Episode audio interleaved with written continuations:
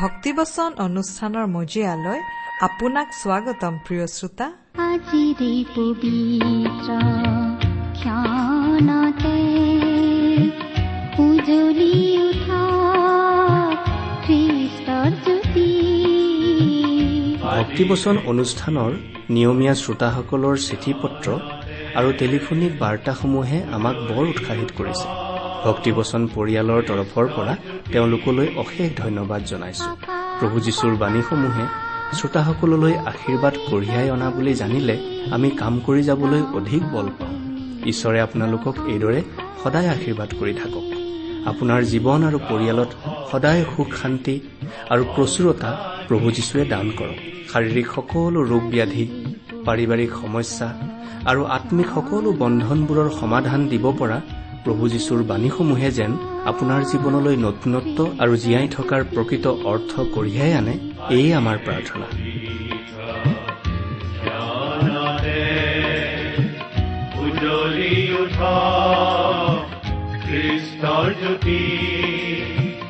আকাশ বতাহ মুখৰিত কৰি গাঁও সবে মিলি প্ৰশংসা গীতি গাঁও সবে মিলি প্ৰশংসা গীতি আজিৰে পবিত্ৰ ক্ষণতে উজলি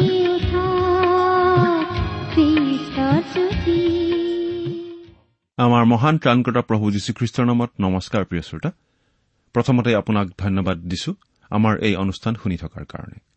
এই বাইবেল অধ্যয়নৰ অনুষ্ঠান আমি অতি আগ্ৰহেৰে প্ৰস্তুত কৰো আমাৰ শ্ৰোতাসকলৰ সহায় হওক বুলিয়েই।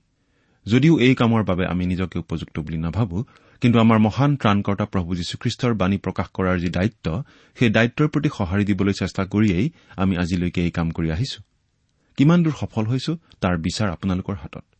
অনুগ্ৰহ কৰি আপোনাৰ মতামত আমাক জনাবনে? আহকচোন বাইবেল অধ্যয়ন আৰম্ভ কৰাৰ আগতে খন্তেক প্ৰাৰ্থনাত মূৰ দুৱাওঁ। স্বৰ্গত থকা আমাৰ অসীম দয়ালু মৰমীয়াল পিতৃ ঈশ্বৰ তোমাক ধন্যবাদ দিওঁ কাৰণ তোমাৰ বাক্য অধ্যয়ন কৰি তোমাৰ মাত শুনিবলৈ তোমাক ওচৰৰ পৰা লগ পাবলৈ এই সুন্দৰ সময় এই সুন্দৰ সুযোগ তুমি আমাক দান কৰিলা। প্ৰভু এই অনুষ্ঠান শুনি থকা আমাৰ মৰমৰ শ্ৰোতাসকলৰ কাৰণে প্ৰাৰ্থনা কৰো। তেওঁলোকক তুমি বিশেষভাৱে আশীৰ্বাদ কৰা। কোনো যদি দুখত আছে তুমি তোমাৰ আনন্দ দিয়া। কোনো যদি বেমাৰত আছে তুমি সুস্থতা প্ৰদান কৰা। তোমাৰ শান্তিজনক উপস্থিতি প্ৰতিজনক উপলব্ধি কৰিবলৈ দিয়া। তেওঁলোকৰ জীৱনৰ সকলো দিশতে তুমি আশীৰ্বাদ কৰা। তেওঁলোকৰ জীৱন সৰ্বাংগ সুন্দৰ কৰি তোলা। এতিয়া প্ৰভু তোমাৰ বাক্য আমি আলোচনা কৰিবলৈ আগবাঢ়িছো। আমাক সহায় কৰা যাতে তোমাৰ বাক্য আমি বুজি পাব পাৰো। প্ৰভু যীশুখ্ৰীষ্টৰ যোগেদি তুমি যি দান সকলোৰে বাবে আগবঢ়াইছা সেই দানৰ তাৎপৰ্য বুজি পাবলৈ আমাৰ চকু মুকলি কৰা।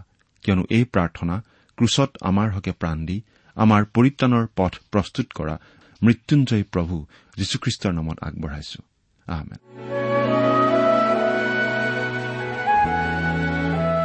প্ৰিয় শ্ৰোতা আমি আজি ভালেমান দিন ধৰি বাইবেলৰ পুৰণি নিয়ম খণ্ডৰ হিতুপদেশ নামৰ পুস্তকখন অধ্যয়ন কৰি আছো। নহয়নে বাৰু? আজিৰ অনুষ্ঠানত আমি এই হিতুপদেশ পুস্তকৰ ছাব্বিছ নম্বৰ অধ্যায়টো আলোচনা কৰিবলৈ ওলাইছো। এই ছাব্বিছ নম্বৰ অধ্যায়টোত মূৰ্খ এলেহুৱা প্ৰতাৰণাকাৰী পৰচৰ্চাকাৰী দন্দুৰা আৰু কপটীয়াসকলৰ কথা কোৱা হৈছে।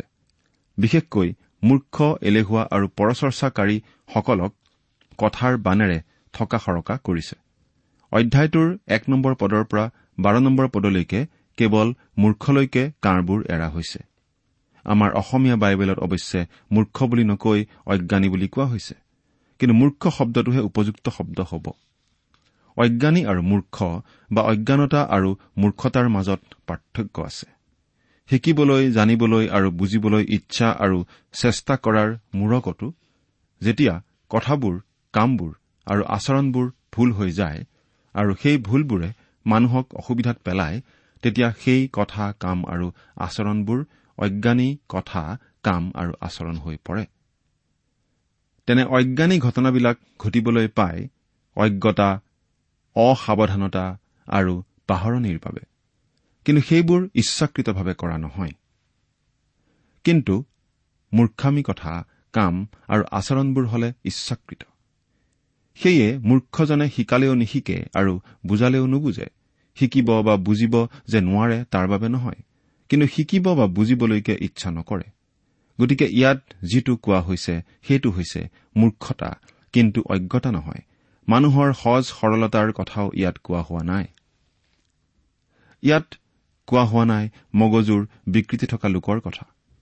বৰ বুদ্ধিয়ক আৰু বৰ শিক্ষিতজনো মূৰ্খ হ'ব পাৰে। ডায়ুদে কৈছে মূৰ্খই নিজ মনতে ভাবে ঈশ্বৰ নাই। গীতমালাৰ চৈধ্য নম্বৰ গীতৰ এক নম্বৰ পদ। গতিকে বাইবেলৰ ভাষা বাইবেলৰ শিক্ষা আৰু বাইবেলৰ জ্ঞানত নাস্তিকজনো মূৰ্খ। তেওঁ লাগি শিক্ষিতেই হওক বা অশিক্ষিতেই হওক। আমাৰ মূৰ্খ শব্দটোৰ কাৰণে ইব্ৰী ভাষাত ব্যৱহৃত শব্দটো হৈছে পগলা। তাৰমানে ঈশ্বৰ নাই বুলি কোৱা মানুহবিলাক পগলা।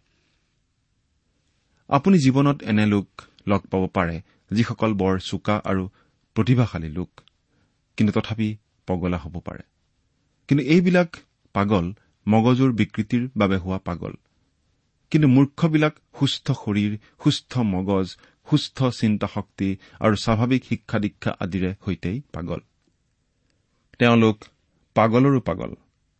পাগলৰ দেউতাকৰো দেউতাক। পাগলৰ দেউতাকৰো একেবাৰে পাগল দেউতাক। কাৰণ তেওঁলোকে সুস্থ মন প্ৰাণ শৰীৰে সৈতেই কয় যে ঈশ্বৰ নাই।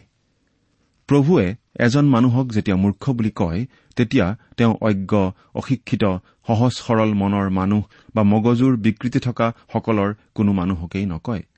কিন্তু যিজনে তেওঁক প্ৰত্যাখ্যান কৰে তেওঁকেই তেওঁ মূৰ্খ বোলে। তেনে কৰাকে তেওঁ পাগলামী কৰা বুলি কয়। এক নম্বৰ পদ। ঘাম কালত হিম আৰু শস্য দোৱাৰ সময়ত বৃষ্টি যেনে অনুপযুক্ত অজ্ঞানৰ পক্ষে সন্মানো তেনে অনুপযুক্ত। মূৰ্খৰ বহু চিনবিলাকৰ ভিতৰত এটা চিন হৈছে যে তেওঁ তেওঁৰ মান ইজ্জত হানি হলেও তেওঁ একো বেয়া নাপায়। খৰালি কালত বৰষুণ আৰু বৰষুণ দিয়াৰ প্ৰয়োজনৰ কালত যাৰ পৰাটো যিমান অনুপযুক্ত মূৰ্খৰ চিন্তাটো মান সন্মান বোলা বস্তুটো সিমান অদৰকাৰী। মূৰ্খ যে মূৰ্খই। দুই নম্বৰ পদ। ভ্ৰমি ফুৰা কথাত ঘৰ চিৰিকা আৰু উৰি থকা কথাত তেলটুপি যেনে অকাৰণে দিয়া হাও তেনে সি নালাগে। ঘৰচিৰিকা চৰাই যদি হয় তেন্তে জানিব ই ভ্ৰমিয়েই ফুৰে। তেলটুপি চৰাই যদি হয় তেন্তে জানিব ই উৰিয়েই ফুৰে। আৰু সাও দিয়া মানুহ যদি হয় তেন্তে জানিব তেওঁ সাৱেই দি ফুৰিব। সাও দিবলৈ তেওঁক কোনো কাৰণো নালাগে। কিন্তু তেওঁ সাওবোৰ সগুনে বুঢ়া গৰুক সাও দিয়াৰ নিচিনা নালাগে। নাই কাৰো গাত নালাগে। কেনেকে লাগিব? বুঢ়া গৰুটোৱে পাপ কৰাৰ কাৰণে সগুনে সাও দিয়েনে? কেতিয়াও নহয়। নিজে টানি টানি খাব পাবলৈকেহে অভিশাপ দিয়ে। তাৰ সাও নালাগে। তিনি নম্বৰ পদ। ঘোঁৰাৰ নিমিত্তে চাবুক আৰু গাধৰ নিমিত্তে লাগাম আৰু মূৰ্খবোৰৰ পিঠিৰ নিমিত্তে চেকনি। হে প্ৰভু মূৰ্খক ইয়াতকৈ অধিক মছলা গৰম কিবা লাগিবনে আৰু? চাবুকে ঘোঁৰাক লাগামে গাধক বস বনাব পাৰে। মূৰ্খকো সেইদৰে পখৰা শৌকাৰ সৰব সৰবকৈ পিঠিত দিয়া কোবেহে অলপ বুজাব পাৰে। কাৰণ মূৰ্খবিলাক ঘোঁৰা আৰু গাধৰ দৰেই বৰ মূৰ্খ। চহৰৰ বাটে পথে ঘূৰি ফুৰা ঘোঁৰাবিলাকক দেখিলে মূৰ্খবিলাককেই দেখিছে বুলি আপুনি ভাবিব পাৰে। চাৰি আৰু পাঁচ নম্বৰ পদ তুমি মূৰ্খক তাৰ মূৰ্খামীৰ দৰে উত্তৰ নিদিবা। দিলে তুমিও তাৰ নিচিনা হবা। আকৌ পাঁচ নম্বৰ পদত কৈছে মূৰ্খক তাৰ মূৰ্খামীৰ দৰে উত্তৰ দিবা। নতুবা সি নিজকে নিজে জ্ঞানীবোধ কৰিব। এই পদ দুটাত আচলতে দুটা আচৰণৰ মূৰ্খ মানুহৰ কথা কোৱা হৈছে। এটা আচৰণৰ মূৰ্খ মানুহ আছে চুঙা চাই সোপা দিব লগা হয়। জোকৰ মুখত নিমখ দিলেই পৰিস্থিতি চম্ভালিব পৰা যায়। এওঁলোক হ'ল পাঁচ নম্বৰ পদৰ মূৰ্খ মানুহ। তেওঁলোকক তেওঁলোকৰ মূৰ্খামীৰ দৰেই উত্তৰ দিব লগা হয়। কিন্তু আন এটা আচৰণৰ মূৰ্খ মানুহ আছে চুঙাত সোপা দিবলৈ সুৰুঙাই নাথাকে মুখত নিবস দিবলৈ মুখেই নাথাকে। সেইবোৰক সোপা আৰু নিমখ দিবলৈ চেষ্টা নকৰাই ভাল। এওঁলোক হ'ল চাৰি নম্বৰ পদৰ সেই মূৰ্খ মানুহ।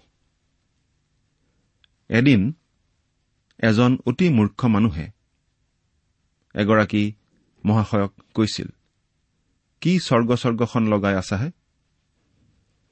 আমাৰ এই ঠাইখনৰ পৰা তোমাৰ স্বৰ্গখনলৈ কিমান দূৰ ক'ব পাৰিবানে? ঈশ্বৰে সেই মহাশয়ক বৰ জৰুৰীভাৱে সহায় কৰি এই কথা দিলে। তেওঁ কলে বেছি দূৰ নহয় মাত্ৰ এখোজ। সেই খোজটোকেই আপুনি ল'ব।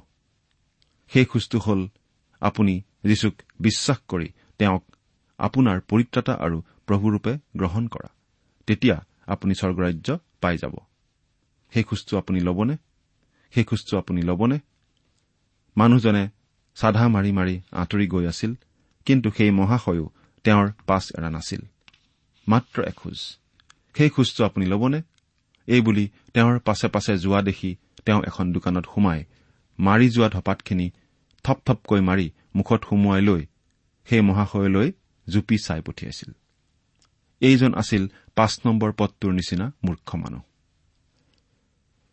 সেই মহাশয়ে আৰু এজন মূৰ্খক লগ পাইছিল। তেওঁ কৈছিল হেৰি বাইবেল পণ্ডিত আপোনাৰ ঈশ্বৰে বাৰু আমাক আটাইকে সৃজিলে কিন্তু আপোনাৰ সেই নেদেখা ঈশ্বৰজনকনো কোনে সৃজিলে কবনে আমাক? বাপ্পেৰে বুলি কৈ দিবলৈ মন গৈছিল তেখেতৰ। কিন্তু নকলে কাৰণ বাপেৰে বুলি কলেও ভে ভেকে হাঁহি ঈশ্বৰতকৈ বাপেকক ডাঙৰ কৰিলেহেঁতেন। ইমানেই মূৰ্খ তেওঁ। এওঁ হ'ল সেই চাৰি নম্বৰ পদৰ মূৰ্খ মানুহজন। ছয় নম্বৰ পদ। যিজনে মূৰ্খ লোকৰ দ্বাৰাই সমাচাৰ পঠিয়াই তেওঁ নিজৰ ভৰি নিজে কাটি পেলায় আৰু অপকাৰ ভোগ কৰে। মূৰ্খৰ জৰিয়তে খবৰ পঠোৱা মানে পঠোৱাজনেও মূৰ্খামী কৰাকেই হয় কাৰণ তাৰ ফল বৰ বিপদজনক হয়। মূৰ্খই কয় এহ খবৰটো ইমান জৰুৰী বুলি জনা নাছিলো নহয়। সেয়ে বোলো লাহে ধীৰে দিলেও হ'ব বুলি ভাবিছিলো। খবৰটো দিবহে লাগে আৰু। মূৰ্খৰ জৰিয়তে কোনো জৰুৰী কাম আমি কৰোৱা উচিত নহয়। মূৰ্খৰ জৰিয়তে জৰুৰী কাম কৰাবলৈ গ'লে আমাৰ বিপদ হ'ব পাৰে। খুৰাৰ ওলমি থকা ভৰি যেনে মূৰ্খবিলাকৰ মুখত নীতিবচনো তেনে। কিয় জানেনে প্ৰিয় শ্ৰোতা?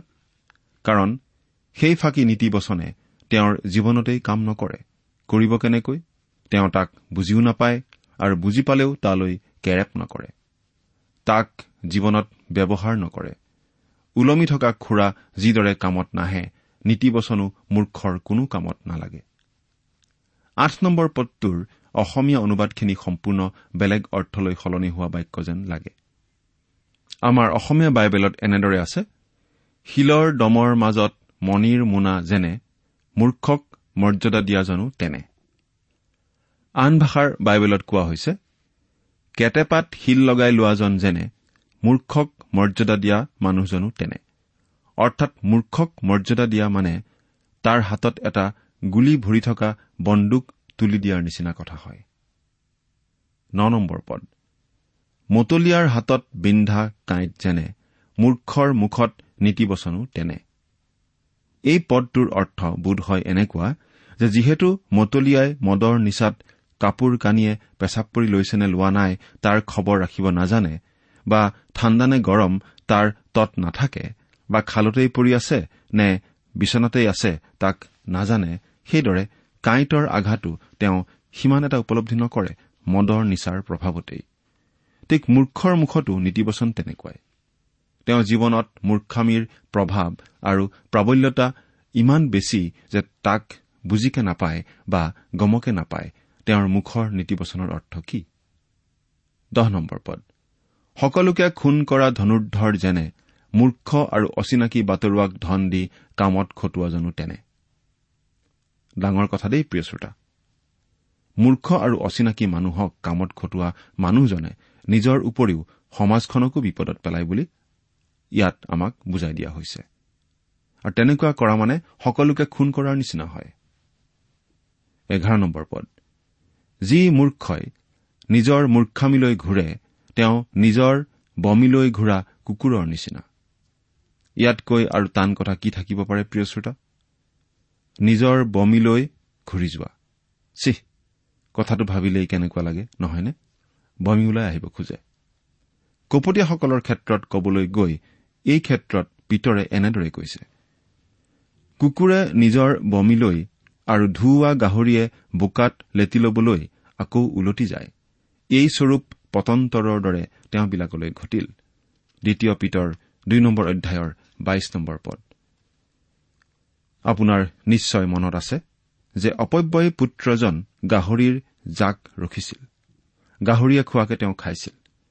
কিন্তু তেওঁ অনুতপ্ত হৈ নিজৰ পিতৃৰ ঘৰলৈ এদিন ঘূৰি আহিছিল। ধৰি লওক তেওঁ পিতৃৰ ঘৰলৈ ঘূৰি আহোঁতে গাহৰিও এটা লগত লৈ আহিছে। কিন্তু পিতৃৰ ঘৰত সেই গাহৰিটোৱে পুত্ৰগৰাকী থকা ঠাইত থাকি বা তেওঁ খোৱা বস্তু খাই কিবা উপভোগ কৰিবনে? নাই নোৱাৰে। উপভোগ কৰিব নোৱাৰে কাৰণ সি গাহৰি। সি আকৌ গাহৰি জাকটোলৈকে ঘূৰি যাবলৈ ইচ্ছা কৰিব আৰু ঘূৰি যাব। সেইদৰে আমাৰ মণ্ডলীৰ কপটীয়া পেট পচা সভ্য সভ্যসকলেও এটা নহয় আন এটা সময়ত নিজকে প্ৰকাশ কৰিবই। কাৰণ ঈশ্বৰৰ সন্তান হোৱাৰ তেওঁলোকে অভিনয় মাথোন কৰি থাকে। এদিন নহয় এদিন জুলুঙাৰ মেকুৰী বাহিৰ হবই। বহুতো লোকে আকৌ কয় বোলে সেই কপটীয়াসকলৰ কাৰণে গীৰ্জাত তেওঁলোকে সহযোগ নকৰে। সেইটো কিন্তু ভুল কথা। ঈশ্বৰৰ প্ৰকৃত কোনো সন্তানে কপটীয়াৰ আঁৰত লুকাই থাকিব নালাগে। গীৰ্জাত সহযোগ কৰি নিজৰ খ্ৰীষ্টীয় আচৰণ প্ৰকাশ কৰি মণ্ডলীক সহায়হে কৰিব লাগে। নিজকে জ্ঞানী বুলি ভবা মানুহ দেখিছানে? তাতকৈ মূৰ্খৰ বিষয়ে অধিক আশা আছে। ইয়াৰ সহজ অৰ্থটো হৈছে যে যিবিলাক মানুহে নিজকে জ্ঞানী বুলি ভাবে তেওঁলোক যধামূৰ্খ অৰ্থাৎ মূৰ্খবিলাকতকৈও অধম অৰ্থাৎ মূৰ্খসকলৰো ওপৰত। এজন জগত বিখ্যাত জ্ঞানী পণ্ডিত আছিল। তেওঁ কিন্তু এনেদৰে কৈছিল মই এটা কথাই খুব ভালদৰে জানো যে মই আচলতে একোৱেই নাজানো। তেওঁ একোৱেই নজনা দেখিয়েই আজি কত শত শত বছৰ পাছতো গোটেই জগতখনেই তেওঁক জানে। এতিয়া তেৰ নম্বৰ পদৰ পৰা ষোল্ল নম্বৰ পদলৈকে এলেহুৱাৰ কথা শুনকচোন। এলেহুৱাৰ কথা আৰু কি ব্যাখ্যা কৰি থাকিম? পদ কেইটা মাথোন পাঠ কৰি দিম শুনিব দেই। এলেহুৱাই কয় বাটত এটা সিংহ আছে চকত এটা পশুৰাজ আছে। দুৱাৰ যেনেকৈ ঘূৰ ঘূৰিত ঘূৰে এলেহুৱাইও তেনেকৈ নিজ শয্যাত বাগৰে। এলেহুৱাই পাত্ৰত থকা আহাৰত হাত সুমুৱাই দি পুনৰাই মুখলৈ নিবলৈ ভাগৰ যেন মানে। যুক্তিসিদ্ধ উত্তৰ দিব পৰা সাতজনতকৈ এলেহুৱাই নিজকে অধিক জ্ঞানবান বুলি ভাবে। এইখিনিলৈকে শুনিলে এলেহুৱা বা পিহ পুহ বোলাসকলৰ কথা আমি পাওঁ। সোতৰ নম্বৰ পদ। যি মানুহে বাটত যাওঁতে অসম্পৰ্কীয় বিবাদত হাত দিয়ে তেওঁ কুকুৰৰ কাণ দুখনত ধৰা লোকৰ নিচিনা। কোনো কাৰণ নজনাকৈ মানুহবিলাকক চিনি নোপোৱাকৈ আপুনি কাজিয়া এখন দেখাৰ কাৰণে কাজিয়াটোত আপুনিও জড়িত হৈ পৰিলে কুকুৰ এটাৰ কাণ দুখনত ধৰা মানুহ এজনৰ যি গতি হ'ব সেয়ে আপোনাৰো হ'ব নিশ্চয়। ভাবি চাওকচোন। যিটো কুকুৰৰ কাণ দুখনত আপুনি ধৰিব সি বাৰু শান্তশিষ্টকৈ বহি থাকিবনে? কিমান যে জঁপিয়াব কিমান যে চিঞৰিব সুযোগ পালে আপোনাক কামোৰাৰ তালত থাকিব। আপুনি এতিয়া না এৰি দিব পাৰে না ধৰি থাকিব পাৰে। এৰি নিদি উপায় নাই কাৰণ তাক চম্ভালোতে আপোনাৰ কেঁচা ঘাম ওলাই গৈছে ভাগৰি পৰিছে। আনহাতে এৰি দিয়াৰ লগে লগে আপোনাক হয়তো সি কামুৰিব পাৰে। বৰ বিপদ। বাটত অচিনাকি লোকৰ কাজিয়াত জড়িত হৈ সেইটো বিপদত নপৰিব। নলগা জেঙত নালাগিব। বাটৰ কচু গাত নলগাব। তাকে কৰি মূৰ্খ মানুহৰ পৰিচয় নিদিব। ওঠৰ আৰু ঊনৈশ নম্বৰ পদত প্ৰতাৰণা কৰা মানুহৰ কথা কোৱা হৈছে। আঙঠা দলিওৱা আৰু মৃত্যুজনক বান মৰা পগলা যেনে। ঊনৈশ নম্বৰ পদ। নিজ ওচৰ চুবুৰীয়াক প্ৰতাৰণা কৰি মই জানো ধেমালি কৰা নাই বুলি কোৱা মানুহ তেনে। তেনেকুৱা মানুহবোৰ পগলা নহয় কি? প্ৰতাৰণাৰে মানুহে মানুহক জানো ধেমালি কৰে। পগলাৰ আঙঠা আৰু বিষ লগোৱা কাৰ যিমান বিপদজনক ওচৰ চুবুৰীয়াই ওচৰ চুবুৰীয়াক কৰা প্ৰতাৰণাও সিমানেই বিপদজনক। যেনেকৈ খৰি নহলে জুই নুমাই তেনেকৈ পৰচৰ্চাকাৰী নহলে কণ্ডল গুচে খৰি জাপি দি থাকক জুই গছ গছকৈ জ্বলি থাকিব।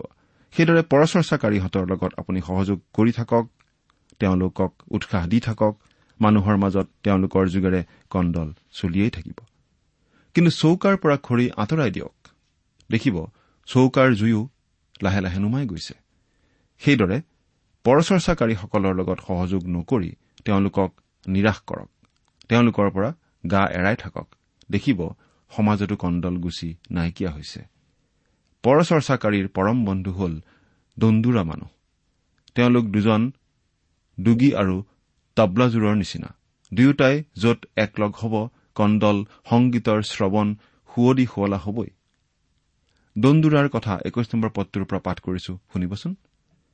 জ্বলি থকা আঙঠাৰ নিমিত্তে যেনেকৈ এঙাৰ আৰু জুইৰ নিমিত্তে খৰি তেনেকৈ কণ্ডল বঢ়াবলৈ দন্দুৰা মানুহ। বৰ দুখৰ কথা যে মণ্ডলীসমূহতো এনে মানুহ থাকেই। মণ্ডলীৰ যিকোনো আলোচনাতেই বা কামতেই এনে লোকসকলৰ এনেবোৰ কথাহে থাকে যিবোৰ কলেই কণ্ডলৰ সৃষ্টি হয়। বাইবেলৰ বচন প্ৰচাৰ কৰাৰ পৰত এনে লোকবিলাক হয় লাহেকৈ অন্তৰ্ধান হয় নাইবা বহি টোপনিয়াই থাকে নাইবা শুনাৰ ভাও জোৰে কিন্তু নুশুনে আৰু হয়তো কিছুমানে শুনিলেও একো নুবুজে। আৰু তেওঁলোকে নুবুজে কাৰণ তেওঁলোকৰ আচলতে বুজাৰ ইচ্ছাও নাথাকে। বাইশ নম্বৰ পদ। পৰচৰ্চাকাৰীৰ কথা সুস্বাদু আহাৰস্বৰূপ সেয়ে পেটৰ ভিতৰলৈকে সোমাই যায়।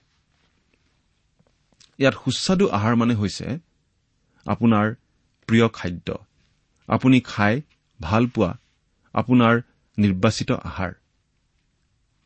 ইয়াত এই বুলি কোৱা হৈছে বহুতো লোকৰ বাবে পৰচৰ্চা কৰা এই বেয়া গুণটো প্ৰিয় আৰু নিৰ্বাচিত খাদ্যৰ নিচিনা। খাবলৈ বৰ ভাল। কি যে সুস্বাদু। এৰা তেওঁলোকে পৰচৰ্চাৰ কথাবোৰ কাণ পাতি পাতি শুনে। খুব মন দি শুনে। হে কি কলা? আকৌ কোৱাচোন। ভালকে কোৱাচোন। এই বুলি পৰচৰ্চাকাৰীৰ কাষ চাপি চাপি যায়। শুনাখিনিকে আকৌ শুনিব বিচাৰে। ঈশ্বৰৰ প্ৰকৃত সন্তানসকলৰ এই বদ গুণটো কিন্তু থাকিব নালাগে। থাকিব নালাগে মানে আচলতে নাথাকে। এতিয়া আমি তেইছ নম্বৰ পদৰ পৰা আঠাইছ নম্বৰ পদলৈকে চাব খুজিছো। এই তেইছ নম্বৰ পদৰ পৰা আঠাইছ নম্বৰ পদলৈকে কপটীয়া লোকসকলৰ কথা কোৱা হৈছে। প্ৰভু যীশুখ্ৰীষ্টত বিশ্বাস কৰা বুলি দাবী কৰা কিন্তু আচলতে খ্ৰীষ্টীয় বিশ্বাসক গুৰুত্ব সহকাৰে নোলোৱা আৰু আন্তৰিকতা নথকা বহু খ্ৰীষ্টীয় লোকে কপটীয়া জীৱন আচৰণ কৰে। তেওঁলোক কপটীয়া কাৰণ তেওঁলোকে যি নহয় সেইটোকে হয় বুলি কয়। তেওঁলোক দুতলীয়া দুমুখীয়া মানুহ। মামা বুলি মাতা মৰ বুলি ভাবা। সেইটোৱেই হ'ল তেওঁলোকৰ প্ৰকৃত ছবি। বাহিৰত মামা বুলি মাতে ভিতৰি ভিতৰি মৰক বুলি ভাবে। এনে উদাহৰণ বাইবেলত বহুতো আছে। হামন নামৰ সেই মানুহজনো এনেকুৱা মানুহৰেই এজন। বাহিৰত বৰ চলাহী কথা কৈ ফুৰি ভিতৰি ভিতৰি গোটেই যিহুদী জাতিটোকেই নিৰ্মূল কৰাৰ তেওঁ চক্ৰান্ত কৰিছিল। এনে কপট মণ্ডলীয়ে আজি চিনি পাই সেই বধ স্বভাৱটো দূৰ কৰিবলৈ আধ্যামিক ব্যৱস্থা হাতত ল'ব লাগে। এনেকুৱা কপটীয়া কথাবোৰ কপটীয়া আচৰণবোৰ আমি সহি থাকিব নালাগে। কোনো ৰোগৰ যন্ত্ৰণা সহি নাথাকি সেই ৰোগটো চিকিৎসকৰ সহায় পৰামৰ্শ ঔষধ আৰু চিকিৎসাৰ দ্বাৰাই দূৰ কৰিবলৈহে আমি নিশ্চয় চেষ্টা চলাব লাগে। আৰু নিশ্চয় আমি চেষ্টা চলাওঁ। আমাৰ পৰিত্ৰাতা প্ৰভু যীশুখ্ৰীষ্টই হৈছে আমাৰ পৰম বেজ। সকলোতকৈ উত্তম চিকিৎসক।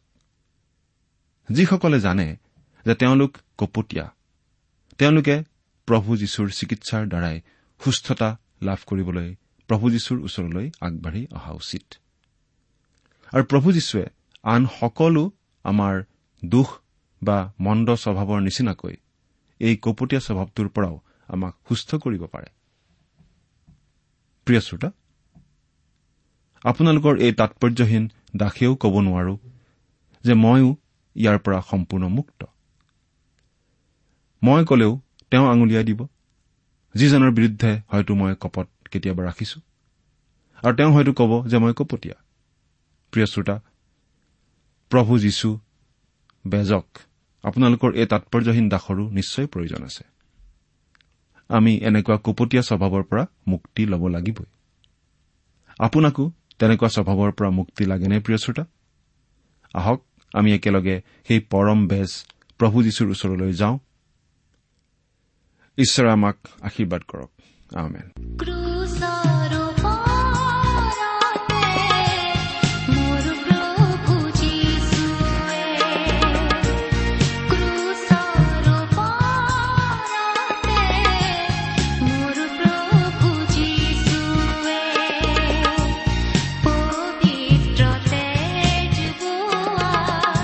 প্ৰিয় শ্ৰোতা ইমান পৰে আপুনি বাইবেল শাস্ত্ৰৰ পৰা ঈশ্বৰৰ বাক্য শুনিব এই বিষয়ে আপোনাৰ মতামত জানিবলৈ পালে আমি নথৈ আনন্দিত হ'ম। আমি প্ৰস্তুত কৰা বাইবেল অধ্যয়নৰ চিডিসমূহ পাব বিচাৰিলে আৰু অনুষ্ঠানত প্ৰচাৰ কৰা কোনো কথা বুজিব লগা থাকিলেও আমালৈ লিখক। আমাৰ যোগাযোগৰ ঠিকনা ভক্তিবচন ট্ৰান্সপল ৰেডিঅ' ইণ্ডিয়া ডাক বাকচ নম্বৰ সাত শূন্য গুৱাহাটী সাত আঠ এক শূন্য শূন্য ঠিকনাটো আকৌ এবাৰ কৈছো ভক্তিবচন ট্ৰান্সৱল ৰেডিঅ' ইণ্ডিয়া ডাক বাকচ নম্বৰ সাত শূন্য গুৱাহাটী সাত আঠ এক শূন্য শূন্য এক। আমাৰ ইমেইল এড্ৰেছটো হৈছে Assamese T TV at the rat radio' eight eight two dot com. আমাৰ website W W W dot T W R dot in.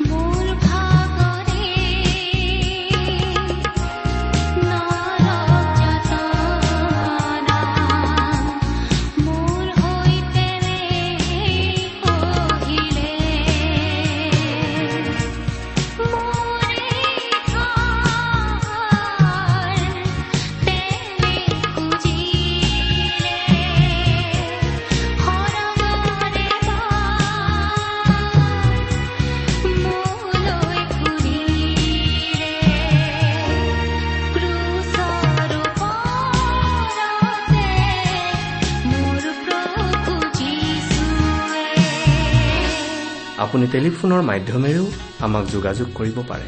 আমাৰ টেলিফোন নম্বৰটো হৈছে nine eight five four zero' four zero' eight eight nine.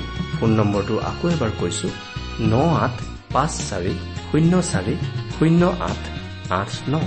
আপুনি এই ভক্তিবচন অনুষ্ঠানটি আমাৰ website W W W dot radio' eight eight two dot কমতো শুনিব পাৰিব।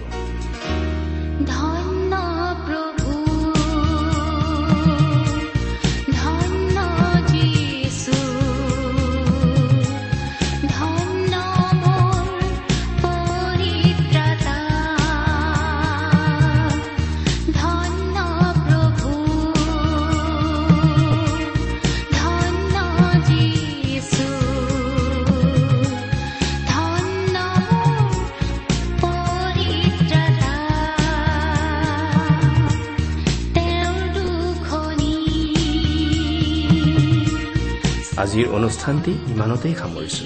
ঈশ্বৰৰ শান্তি আৰু অনুগ্ৰহ আপোনাৰ লগত